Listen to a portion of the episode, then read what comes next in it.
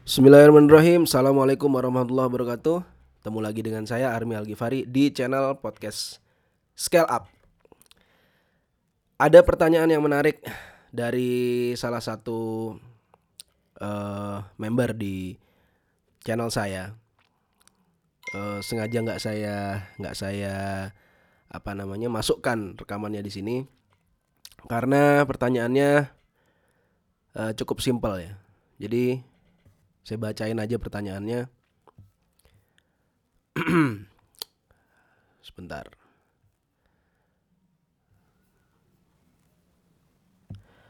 Nah, pengen denger kisahnya Om Army awal jadi IM dan akhirnya fokus kawinin si Facebook Ads. Pertimbangan kenapa akhirnya memilih jadi IM terutama fokusnya di Facebook Ads. Kegagalan yang berkesan dan pelajaran dari kegagalan itu khususnya setelah jadi IM dan keberhasilan yang paling berkesan. Oke, karena topiknya masuk ke ke dalam kehidupan saya, saya coba jawab. Walaupun mungkin saya nggak akan jawab secara detail, seperti di di prolog, seperti di apa namanya uh, episode sebelumnya saya bilang bahwa saya cukup malu sebenarnya. Tapi nggak apalah supaya jadi pelajaran juga buat teman-teman. Jadi titik tengahnya saya nggak akan cerita detail tapi akan saya ceritain secara umum. Jadi dulu itu saya hobinya ikut kelas-kelas workshop, kemudian saya ikut pelatihan pelatihan-pelatihan untuk bisnis di mana zaman itu untuk bisnis online masih sangat sedikit. Bahkan saya kenal satu salah seorang tokoh IM sekarang Pak Ruli Kustandar itu waktu pertama kali saya kenal beliau belum masuk dunia affiliate. Masih ada di Entrepreneur University kalau teman-teman pernah dengar. Itu tahun 2007 kali ya, 2006, 2007, 2008 itu masih sangat booming. Kelasnya uh, diselenggarakan di banyak kota. Kemudian kita datang dalam beberapa kali pertemuan, kira-kira seperti itu. Nah, Entrepreneur University ini adalah satu pelatihan, satu satu apa namanya? media untuk saya bertemu dengan banyak sekali calon-calon pengusaha waktu itu. Dan belum ada sama sekali materi-materi mengenai bahaya kartu kredit, kemudian uh, materi tentang apa namanya? legal aspek dalam memulai bisnis. Hal-hal yang seperti itu belum ada sama sekali atau setidaknya saya belum dengar. Saya nggak dengar waktu itu. Saya hanya dengar yang bagus-bagusnya aja jadi menjelang lulus. Saya coba-coba ikut saya daftar. Kemudian uh, saya ikuti materi per materi dan waktu itu mindset bisnis saya kebuka. Cukup dahsyat lah. Materinya bagus cuma proses menjalani networking di dalamnya itu yang kurang bagus. Jadi saya ketemu dengan orang ini orang itu uh, beberapa partner yang ternyata dalam bisnis itu nggak seperti itu. Memang memang perkenalan kita pertama kali itu itu networking oke, okay, it's okay. Tapi dalam membangun bisnis harus jauh lebih dalam daripada itu. Dari hanya sekedar kenal kemudian start mulai bisnis, nggak bisa. Harus ada chemistry, harus ada tahu kita ibarat menikah ya, ibarat di bisnis itu ibarat menikah ya kita mesti tahu uh, paling tidak visi antara kita dan dia itu sama. Nah, dari berjalannya bisnis offline tersebut, saya bareng kemudian uh, nyebur di sana, fokus di uh, di situ. Saya menyadari bahwa yang seperti saya bilang di episode sebelumnya, saya masuk di lingkaran di mana itu bukan kompetensi saya. Tapi saya bertekad siap untuk menjalani proses itu. Jadi saya siap untuk menjadi bodoh Resiko orang bodoh terbesar yang saya bilang kemarin adalah dia tidak tahu apa yang dia tidak tahu. Nah, akibatnya ketika saya masuk di situ, saya nggak tahu bahwa banyak sekali hal-hal yang berhubungan dengan bisnis yang saya nggak tahu. Contohnya misalkan tadi legal aspek, kemudian bagaimana memilih partner bisnis, bagaimana memulai bisnis uh, apa namanya dengan modal orang lain. Karena dulu diajarinnya di sana uh, apa istilahnya saya lupa itu. Berani apa ya? Modal orang lain pokoknya berani pakai modal orang lain aja di mana itu kan ada akad-akad yang harus dibuat nah di situ saya failed. Di situ saya uh, tidak berhasil memenuhi ekspektasi. Makanya dari situ pelajaran-pelajaran itu pelajaran terpenting dalam hidup saya. Makanya teman-teman yang ada masuk kelas bantai FBH, ada yang masuk uh, kenal dengan saya di apa namanya ketika saya jualan sesuatu affiliate atau apa. Saya selalu bilang di awal kan belilah dengan sadar. Kemudian ketika sudah masuk di kelas uh, bantai Facebook Ads saya juga bilang di awal uh, akadnya harus jelas. Gimana? Masuk itu orang ekspektasinya apa? Itu harus bisa didefinisikan. Harus bisa dibuat matriksnya uh, tercapai atau tidak. Itu harus uh, apa namanya harus jelas di awal segalanya. Jadi bukan entar aja gampang tapi uh, apa namanya entar aja gampang bisa diatur bukan bukan seperti itu tapi uh, diatur dulu biar nantinya gampang. Kan suka kita tuh misalkan gimana nih masalah PT masalah apa? Ah udah gampang ntar itu bisa diatur. Jangan gitu berpikirnya berpikirnya dibalik. Diatur dulu biar nanti gampang. Nah dari situlah perjalanan bisnis saya mulai. Uh, saya mengalami banyak sekali masalah dan ada satu titik di mana waktu itu saya sempat beneran nangis saya beneran nangis. Literally bukan sekedar bukan sekedar uh, saya ngomong aja enggak. Saya beneran nangis kok saya bisa sampai kayak begini gitu. Tugas akhir terbengkalai kemudian um, teman-teman saya hilang semua. Saya berada di titik terendah dalam kehidupan saya. Sampai saya berpikir um, apa saya harus quit dari bisnis apa saya harus nggak bisnis lagi tapi terlanjur banyak yang sudah saya pelajari terlanjur banyak emosi yang terkuras. Pengalaman waktu sudah terlanjur uh, ya terlanjur terlanjur banyak lah intinya. Saya juga pernah bikin bisnis um, sampai sekarang yang yang dulu saya rintis kemudian uh, saya ngerasa kayaknya ini nggak usah diterusin lagi atau um, apa namanya sudah saya sudah nggak ada passion lagi. Ya di bisnis uh, pertanian saya pernah ada bikin pupuk gitu. saya pernah set up sebuah pabrik juga di Garut di mana itu juga um, failed. Jadi problemnya bisnis itu kalau gagal bukan orang lain tapi diri kita sendiri. Ada pengetahuan yang kita tidak tahu kalau kita nggak tahu. Itu yang paling mengerikan. Dari situlah akhirnya saya berpikir um, sepertinya saya harus mulai membangun satu aja dari semua hal bisnis ini yang yang yang harus saya kuasai duluan. Apa sih kira-kira nah saya putuskanlah saya fokus untuk belajar mengenai pemasaran dulu. Karena ujung tombaknya bisnis itu ada di pemasaran. Mengenai yang lain nanti saya belajar, tapi sekarang saya belajar di pemasarannya dulu. Sehingga tahun 2000 eh 10-an ya. Saya mulai tuh, saya kumpulin apa sih yang kira-kira bisa membuat saya belajar eh, di bidang pemasaran. Saya ambil waktu itu saya coba join beberapa MLM. Jadi MLM saya saya joinin untuk saya belajar gimana caranya jualan sesuatu. Mungkin ada di antara follower saya di scale up yang pernah saya prospek atau apa. Ya maafkan kalau saya uh, terlalu agresif kalau dulu dulu nawarin ya. Maklum newbie. Saya saya jalani, saya betul-betul jalani itu. Saya bikin saya bikin daftar nama, kemudian uh, saya prospek satu-satu, saya bikin janji dan lain-lain. Jadi nggak perlu malu itu itu itu saya bertekad memang saya anggap itu fase dalam kehidupan saya untuk saya mulai belajar sesuatu. Nah, onlinenya pun saya coba masuk. Jadi sekitar tahun 2000 berapa itu ya? Saya lupa 2010 apa 2009. Tapi saya nggak masuk di dalam circle-nya orang-orang online, anak-anak online pada umumnya. Tongkrongannya beda. Jadi saya tahu bahwa ini potensi online-nya ada, terus saya jalanin sendiri. Jadi saya jualan produk-produk MLM lewat online banyak dulu. Uh, apa ya? Pokoknya saya cari perusahaan-perusahaan saya coba join di situ kemudian saya jual lewat online. Dulu saya belajarnya SEO jadi uh, bikin web kemudian di SEO dan dulu itu masih sangat mudah. Kalau jualan produk-produk MLM yang keywordnya kesehatan-kesehatan tuh mudah. Saya bikin uh, pasang bikin pasang. Memang trafficnya nggak gede tapi uh, convert nah itulah fase di mana saya ngerasa oh kayaknya ini bisa jadikan dijadikan serius. Jadi dari situ akhirnya saya mulai um, jalan sendiri di dunia online. Bahkan belajar online pun saya pernah terjerumus juga.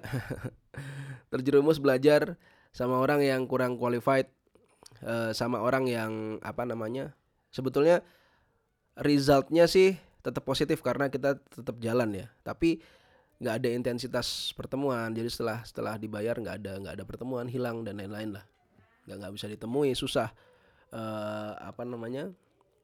Kurang update. Ya akhirnya berantakan.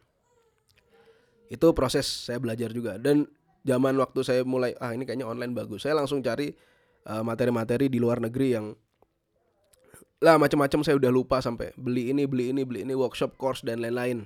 Saya belum ketemu tuh belum ketemu tuh Agan Halid saya belum ketemu teman-teman yang istilahnya uh, yang sama-sama jalan di online juga. Jadi dulu saya ngerasa sendirian.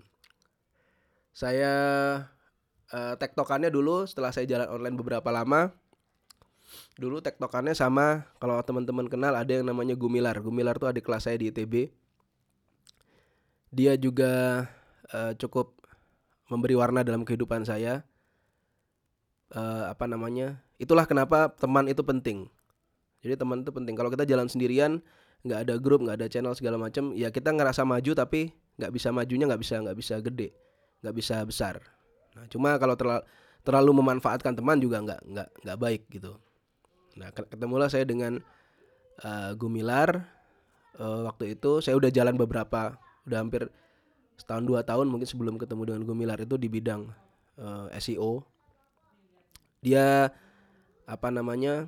Uh, ya dia dia sering cerita-cerita, kita sering sharing-sharing. Oh traffic begini begini begini. Dia sempat nyeletuk tentang Facebook Ads uh, di mana waktu itu saya sudah coba jalanin tapi ada mungkin sekitar enam bulan atau tujuh bulan dari dari uh, Gumilar itu cerita tentang Facebook Ads saya sudah coba jalan sendiri cuma waktu itu masih nggak apa saya ber, ber, ber, saya berpikir kayaknya jualan yang enak itu kayaknya di SEO karena sudah jelas ada uh, buying intentionnya kan sudah ada orang yang minat nyari sesuatu sudah jelas di situ Sedangkan kalau di Facebook kan kayaknya kita harus offering dari yang nggak ada minat jadi ada minat gitu. Nah, waktu itu Gumilar cerita nyeletuk tentang Facebook Ads. Uh, saya coba ulik lagi sendiri. Dia beberapa kali ngajakin saya workshop ke sini ke sini cuma karena saya sudah desperado, saya sudah nggak suka dengan workshop dan dan kelas-kelas, saya lebih memilih saya jalani sendiri aja lah. Saya coba oprek sendiri. Nah, dari situ uh, saya cuma nanya siapa sih yang ngajarin kamu? Gitu. Ada bang Dirga sini sini. Dari situ saya coba lihat oh ya saya pengen networking dengan orangnya. Saya nggak kepengen nanya ilmunya segala macam saya nggak karena ilmu itu memang harus itu tanggung jawab kita sendiri bukan tanggung jawab orang lain yang yang apa ngasih ilmu ke kita. Jadi saya carinya networking waktu itu. Saya uh, sengaja saya ke Bogor saya apa namanya uh, sempatkan datang ketemu Bang Dirga mana sih orangnya? Oh ini Bang Dirga. Kenalan ngobrol. Ya dia kayak kayak masih sok-sok cool gitu kan di awal ketika ketemu. Ya udahlah nggak apa-apa. Uh, saya nyantai aja waktu itu jadi networking itu penting itu itu hikmahnya di situ. Dari situlah berjalan berjalan berjalan kemudian entah gimana ceritanya uh, saya mulai ketemu dengan Agan Halid saya mulai ketemu dengan Eka Bagus dan ternyata uh, satu satu frekuensi dalam bisnis satu apa ya satu visi satu visi dalam arti yang pertama saya ingin menjadikan internet marketing itu sebagai uh, apa namanya pondasi awal dalam bisnis saya. Pemasaran menjadi sebagai ya sebagai pondasi. Kemudian yang kedua kita bukan black marketer. Kita pengen jadi white marketer. Kita nggak kepengen nyuruh orang hanya demi duit. Kemudian uh, kita harus jualan sesuatu yang bermasalah atau yang malah nipu orang lain. Nah, saya dari awal sudah sudah bertekad itu. Karena saya sudah punya background menjalankan sebuah bisnis yang apa? Yang saya prosesnya nggak benar. Jadi kalau dalam Islam itu ada istilahnya um, ihsanul amal. Jadi saya nggak ihsan dalam bisnis saya. Nah, saya pengen ketika saya memulai bisnis baru, menerjuni sebuah bidang yang baru, saya pengen proses itu berjalan dengan ihsan. Yaitu, ya kalau ada teman-teman yang uh, bukan muslim, ihsan itu artinya baik ya. Jadi prosesnya dimulai dengan baik, ya dijalani dengan baik, berakhir dengan baik itu ihsan. Nah, saya sudah bertekad di situ dan ketemu orang-orang yang sevisi. Dari situlah kemudian networking, uh, berteman. Nah, memilih teman itu penting sekali dalam kehidupan. Hikmahnya di situ. Kalau salah pilih teman, saya sudah pernah merasakan salah memilih teman. Bisnis saya hancur berantakan, kehidupan saya benar-benar di titik minus sampai uh, sedikit flashback lagi tadi belum sempat saya ceritain. Sampai saya yang yang fase saya nangis itu akhirnya saya punya sedikit rezeki uh, saya umroh waktu itu. Tahun 2010 apa 2009 ya? 2010 kalau nggak salah. 2010 saya umroh kemudian uh, dari umroh itu umroh itu saya bukan umroh biasa saya umrohnya backpacker satu bulan selama bulan Ramadan tahun 2010 saya beneran pengen mencari sesuatu. Hidup saya ini kayaknya kok hancur. Hidup saya ini kok kok berantakan. Saya pengen nyari sesuatu di situ saya umroh. Satu bulan saya nginep di masjid ya. Saya nggak nggak nginep di hotel mana nggak ada duit. Saya nginep di masjid dari masjid ke masjid uh, Masjidil Haram saya um, apa ke sempat ke Madinah juga. Saya hidup dengan orang-orang di situ. Uh, makannya pun gratisan yang makan sahurnya dibagi-bagi di apa istilahnya dilempar-lempar itulah. Di apa bukan dilempar ya. Ya dibagi-bagiin di jalan. Roti roti keras apa segala macam. Kopi. Saya jadi gelandangan di sana. Sama orang-orang uh, apa namanya orang-orang Aljazair. Uh, dua tahun lalu saya masih kontak sama mereka cuma karena di Facebook mereka juga kayaknya nggak aktif lagi ya akhirnya hilang. Uh, orang-orang Libya kemudian orang-orang Palestina ada saya dibantuin di situ dibantuin nyari makan karena kalau di Mekah itu antri, itu antrinya antri makanan itu kayak apa ya? Ya bisa dilihat aja deh orang Arab gimana perilakunya kalau antri. Nyerobot sana sini kan. Nah, kita orang Asia badannya kecil-kecil nggak nggak bisa antri. Nah, saya diantriin sama mereka. Dari mulai makan apa? Makan sahur, kemudian makan uh, buka, masuk beli persediaan kayak beli susu, beli air itu air mungkin nggak air putih kayaknya setiap hari saya minum air zam-zam. Karena satu bulan di sana. Sampai Hamin satu Idul Fitri. Gitu. Jadi enam enam hari pertama sampai ke travel kemudian travel balik saya stay sampai Idul Fitri. Gitu. Hidupnya dari masjid ke masjid. Kemudian mandinya dari hotel ke hotel sampai saya pernah dikejar sama satpam gara-gara itu hotel nggak boleh stranger masuk kayak saya mandi saya di sempat ditangkap tapi dibebasin sama teman saya yang dari Aljazair itu. Nah itu nanti deh sesi itu sendiri saya cerita. Nah dari situ kemudian saya apa namanya berusaha meluruskan hidup saya jadi lebih baik dan saya memutuskan tahun 2011 itu menikah. Jadi saya uh, ketemu dengan calon istri saya waktu itu sekarang udah jadi istri saya uh, saya tanya kamu mau nggak nikah sama saya? Kondisinya begini begini begini. Kita belum kita belum kenal lama. Jadi kita cuma saya kenal di saya tahu dia sudah lama cuma nggak um, kenal. Nggak nggak nggak nggak kenal dalam arti kenal deket nggak. Saya tahu kemudian langsung saya tanya dari situ saya baru mulai mengenali dia. Jadi kurang lebih tiga bulan tiga bulan atau lima bulan gitu ya dari saya ngomong ke dia sampai nikah. Jadi nikahnya masih habis nikah tuh masih ada drama-dramanya berantem-berantem dikit lah. Nggak kenal satu sama lain dan lain-lain. Tapi alhamdulillah sampai sekarang ya aman-aman aja. Nah berusaha memperbaiki hidup uh, sampai mana tadi ya? Saya kalau ngobrol gini sih ngalor ngidul. Uh, akhirnya um, ya tadi saya memutuskan bisnisnya berhubungan dengan marketing uh, masuk ke MLM banyak MLM yang udah saya join sekedar untuk dapat produk dan jualan belajar cara cara bikin copywriting cara bikin ya cara ngajakin orang. Dan itu menurut saya juga fase terpenting dalam kehidupan saya. Walaupun saya nggak jadi apa-apa secara peringkat ya mungkin ada sih saya sempat ke Malaysia saya sempat ke mana saya, saya sempat dapat gitu.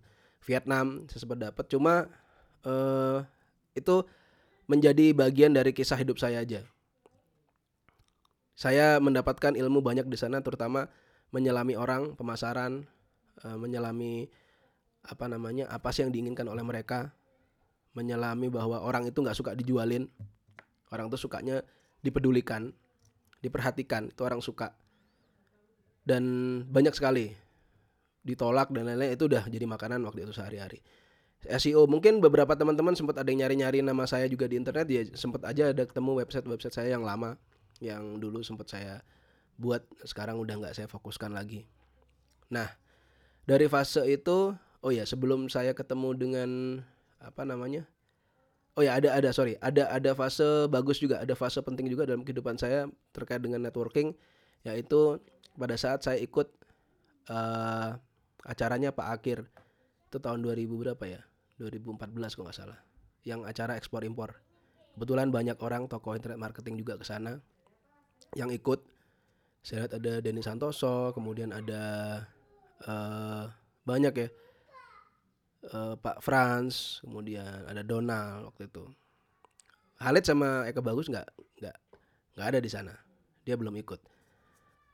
Nah fase itu saya ketemu dengan banyak orang. Contohnya ada orang juga yang cukup uh, berperan juga dalam kehidupan saya. Ada namanya uh, Samian Mas Samian beberapa tahun lebih tua dari saya dan pengalaman bisnis online-nya juga luar biasa. Kalau ada channelnya dia atau ada kesempatan ngobrol sama dia silakan ngobrol. Nah, dia juga apa namanya? Ada satu fase dalam kehidupannya dia juga dia pengen pengen menjadi lebih baik. Nah, sekarang yang dilihat itu sudah jauh lebih baik daripada dia dulu ceritanya dia gitu. Banyak sih saya saya saya intensitas apa namanya sharing-sharing dengan Samian dengan dengan Andi teman saya yang Surabaya itu banyak juga di sana. Dan saya tipenya bukan terlalu banyak teman. Saya nggak bisa uh, apa teman terlalu banyak tuh agak agak sulit. Jadi teman saya tuh dikit dikit tapi nggak nggak nggak bisa apa uh, saya berusaha untuk tetap intens dan tetap dekat. Gitu. Dari situ kemudian prosesnya saya ketemu dengan Halid dengan Eka Bagus dengan Dimas dengan Imam. Banyak uh, sampai akhirnya ya Bang Dirga juga. Sampai akhirnya visi inilah yang mempertemukan. Orang itu kan berjalan itu mencari teman perjalanan ya. Kita berjalan sendirian nanti ada teman yang ikut ada yang pergi ada yang masuk lagi ada yang pergi. Tapi kalau kita punya visi kita tahu mau ke mana kita menuju kita punya value dalam kehidupan kita nanti orang-orang yang sama itu akan datang.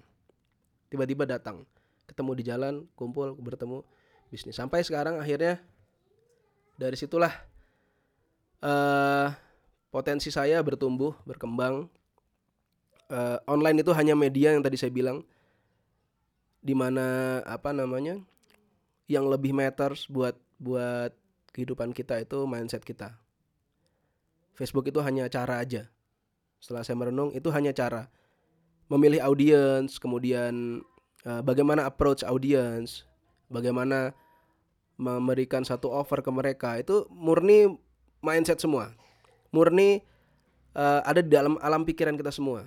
Kalau teman-teman terlalu ngandelin teknis, teknisnya gimana, teknisnya gimana, itu nanti teknis akan habis dimakan zaman. Karena Facebook berubah terus, tekniknya ber berkembang terus. AdWords berkembang lagi. Nanti tiba-tiba Facebook nggak ada, tiba-tiba Google nggak ada. Tapi kalau mindset kita, uh, strategi kita itu yang menjadi penting dalam dalam uh, kehidupan. Dari situlah akhirnya saya berkembang. Uh, jadi saya berkembang bukan karena saya sendiri. Banyak sekali orang yang kalau boleh saya mengucapkan terima kasih itu banyak mungkin listnya berjadi buku kali ya. Eh, orang-orang yang secara tidak langsung ada yang saya follow oh dia cara berpikirnya begini saya resapi saya ambil uh, kemudian oh, orang ini cara cara bisnisnya begini saya resapi ada yang buruk pun buruk kita ambil oh dia buruk tapi punya sisi yang positifnya di sini ah, kita ambil. Jadi hanya tentang masalah kita mengambil apa yang terbaik dari orang lain kemudian kita jadikan dalam kehidupan kita. Itu sih. Itu yang apa namanya? Uh, pola pikir itu yang membuat saya akhirnya jadi uh, berkembang. Dari situ saya fokus ke IM dan saya bertekad untuk udahlah saya kalau saya berkembang di saya mencoba bidang yang lain lagi, saya akan mengulangi fase kebodohan saya lagi. Nah, saya akan mengulangi network saya yang baru, saya akan mengulangi learning curve saya lagi yang baru di mana saya nggak siap untuk menjalani itu lagi gitu jadi yang ini sudah saya tekuni ya ini aja lah saya fokuskan karena apa pun yang ditekuni pasti itu hasilnya akan uh, besar buat hidup kita. Orang yang fokus itu berbeda dengan orang yang nggak fokus. Orang yang fokus dengan mengulang-ulang terus kemudian melakukan deliberate practice berkembang itu jauh lebih jauh lebih mengancam daripada orang yang masuk pergi masuk pergi masuk gitu. Jadi itu intinya. Uh, kemudian apa lagi nih? Kegagalan dan kegagalan yang berkesan dari pelajaran dan pelajaran tadi sudah ya kemudian keberhasilan yang paling berkesan semua keberhasilan berkesan buat saya dan saya catat di dalam memori saya. Setiap saya menemui kegagalan saya saya selalu ingat dulu saya pernah begini saya bisa begini kenapa saya sekarang nggak bisa begitu lagi? Nah, itu yang buat saya termotivasi dan keberhasilan keberhasilan orang lain. Dan saya juga termasuk nggak terlalu suka ngeliatin screenshotnya orang lain. Ngeliatin oke okay, saya saya uh, interest saya saya termotivasi tapi kalau kita hanya termotivasi dengan screenshotnya atau dengan hasilnya aja itu membunuh yang kita harus lihat adalah prosesnya dia ketika dia menjalani. Jadi sering saya tanya tuh prosesnya orang lain, proses berapa lama dia mencapai itu, kemudian mindset apa yang digunakan. Tanya aja sama Eka Bagus kalau sempat gimana waktu pertama kali saya kenalan sama dia. Itu pertanyaan saya tuh aneh-aneh. Pertanyaan saya tuh apa namanya? Kalau boleh ini satu pertanyaan saya yang pernah saya tanya sama dia. Kalau boleh memilih satu dari sekian banyak hal yang paling berpengaruh dalam iklan Facebook Ads, apa? Gitu. Saya pernah nanya gitu. Di semua hal. Ya dia bilang budget. Waktu itu saya mikir apa saya salah di budget? Apa gimana? Saya saya saya, saya pikirin itu. Sampai oh ya benar juga. Artinya budget itu kalau sedikit uh, apa namanya kalau terlalu sedikit ya kita nggak bisa menjangkau banyak orang. Kalau nggak bisa menjangkau banyak orang ya berarti nggak bisa nggak bisa dapat apa keuntungan yang besar. Itu aja logika sederhananya itu mungkin mungkin dia jawabnya ngasal ya. Saya nggak tahu mungkin dia jawabnya asal-asalan. Tapi waktu itu saya benar-benar saya pikirkan setiap omongan orang. Saya saring saya resapi saya ambil sesuatu dari situ. Ketemu dengan Halid kelebihan dia. Kelebihan dia bukan mengenai teknis. Dia itu teknis dia terrible banget lah. Teknis-teknis tuh dia kacau. Nah, cuma kelebihannya dia adalah uh, dia bisa mengakuisisi orang. Mengakuisisi calon customer kata-kata yang dipakai apa kemudian gambar yang digunakan harusnya seperti apa. Itu itu menurut saya given kalau buat dia. Jadi dia ngerasa itu kayak gue kayak nggak nggak nggak ini nggak melakukannya biasa aja. Nah yang biasa aja tuh buat orang lain belum tentu biasa saya bilang gitu waktu itu. Sampai dia bilang oh iya bener juga. Nah, itu yang yang harus diajarin. Makanya di kelas bantai itu saya suruh dia uh, fokusnya ke bagian yang yang iuhnya dia gitu. Yang paling paling apa? Ya kayak kayak riset market mendalami mendalami orang tuh pengennya gimana kata-kata yang dipakai apa. Dia jago bikin copywriting walaupun copywritingnya nggak nggak nggak nggak cukup pakem-pakeman kayak kayak master-master copywriting lah tapi intinya dari copywriting dia dapat gitu. Nah itu kalau teman-teman mau belajar dari dia itu yang diambil. Kemudian ya apa ya? Jadi keberhasilan semua orang itu Eh, kelebihan-kelebihan semua orang itu bermanfaat buat saya dan selalu saya pakai dalam kehidupan saya. Kata-kata, tulisan-tulisan di blog orang lain yang ahli-ahli di Indonesia yang yang pakar-pakar itu saya saya renungkan, saya jadikan mindset saya satu-satu. Saya masukkan dalam kehidupan saya gitu. Itulah kira-kira kalau bicara tentang proses kehidupan saya. Ngalor ngidulnya seperti itu nggak bisa distrukturkan ya maklum saya uh, apa orangnya insting jadi nggak nggak bisa nggak bisa terstruktur kalau ngomong kemudian masalah teknis Facebook Ads ya waktu itu saya ya ini ini selanjutnya ya kenapa akhirnya fokus mengawin kawin sama Facebook Ads karena saya memilih untuk hanya menekuni satu dan waktu itu ketika saya memutuskan saya ingin menekuni satu saya sedang mengerjakan Facebook Ads itu aja sebenarnya simpelnya dan Facebook Ad pay traffic. Di mana kalau saya bayar saya bisa dapat duit. Nah sederhananya gitu aja. Jadi saya nggak ada pertimbangan yang aneh-aneh, nggak ada pertimbangan yang oh Facebook Facebook Ads paling work dibandingkan yang lain waktu itu. Dan enggak karena saya terlalu jenuh dengan coba mencoba, terlalu jenuh dengan kemungkinan-kemungkinan, terlalu jenuh dengan uh, ketidakfokusan. Saya udah pengennya satu aja udah apa sih gitu. Nah akhirnya saya memutuskan saat saya saat saya mutusin itu uh, apa namanya saya lagi ngerjain Facebook Ads. Jadi ya langsung aja. Situ udah yang lain saya tutup. Yang lain materi-materi lain tuh saya jadikan satu apa harddisk harddisknya nggak pernah saya buka. Gitu aja udah. Materi dulu kan haus materi ini materi ini kumpulin audiobook apalah. Eh zaman-zaman odong-odong apa course course course luar negeri itu kumpulin dan lain-lain. Patungan bayar sejuta dua juta misalnya. Ah itu membuat saya bubar malah. Jadi saya tutup saya pelajari apa yang ada di hadapan saya saya nggak nanya orang lain lagi karena sudah kebanyakan ilmu yang masuk saya coba pelajari detail sendiri dan saya renungkan dari situ. Nah dari situlah akhirnya baru dapat sesuatu. Nah, kalau andai waktu itu saya ada guru ya ada orang yang ngomong begitu ke saya ketika saya belum uh, ketika saya belum tersuruk ketika saya belum apa namanya habis banyak sekali itu saya akan sangat berterima kasih. Makanya metode saya sekarang ketika saya bantu orang-orang untuk belajar bisnis online saya selalu tegas sekali di awal bilang untuk fokus tidak memikirkan yang lain-lain lagi. Kalau memang sudah putuskan Facebook Ads Facebook Ads. Kalau memang sudah putuskan AdWords AdWords dulu aja. Paling tidak sampai ada uang di rekening itu 200 300 juta 500 juta. Jadi baru bisa mikir yang lain. Baru uang yang ada itu baru kita bisa belajar, kita sisihkan 10% dari situ untuk networking, kita sisihkan untuk ikut course, kita sisihkan untuk apa lagi ya. Saya modelnya selalu begitu. Uang yang saya dapatkan saya beli course, course yang memang beneran course yang apa ya, yang yang yang sudah ya yang mahal lah saya bilang ya. Yang seribu, dua ribu saya ikut. Di situ berkembang lagi ilmunya, bertambah lagi, tapi tidak mengurangi apa namanya income kita atau yang sudah yang sudah kita kerjakan. Nah kalau kita ceburin duit di sana adalah uang terakhir kita, ya itu namanya uh, kebodohan ya. Itu sih. Oke, ada suara anak saya. Oke, kira-kira sudah kepanjangan saya ngomong. Itu aja buat buat pembelajaran teman-teman. Mudah-mudahan ada sesuatu yang bisa dipetik saya nggak mastah-mastah banget, saya biasa aja orangnya. Hanya kebetulan saya senang berbagi. Ada orang yang lebih hebat dari saya jauh jauh lebih uh, secara bisnis jauh lebih besar, secara penghasilan, secara kehidupan jauh lebih layak dari saya, sangat banyak. Di atas saya masih sangat banyak orang.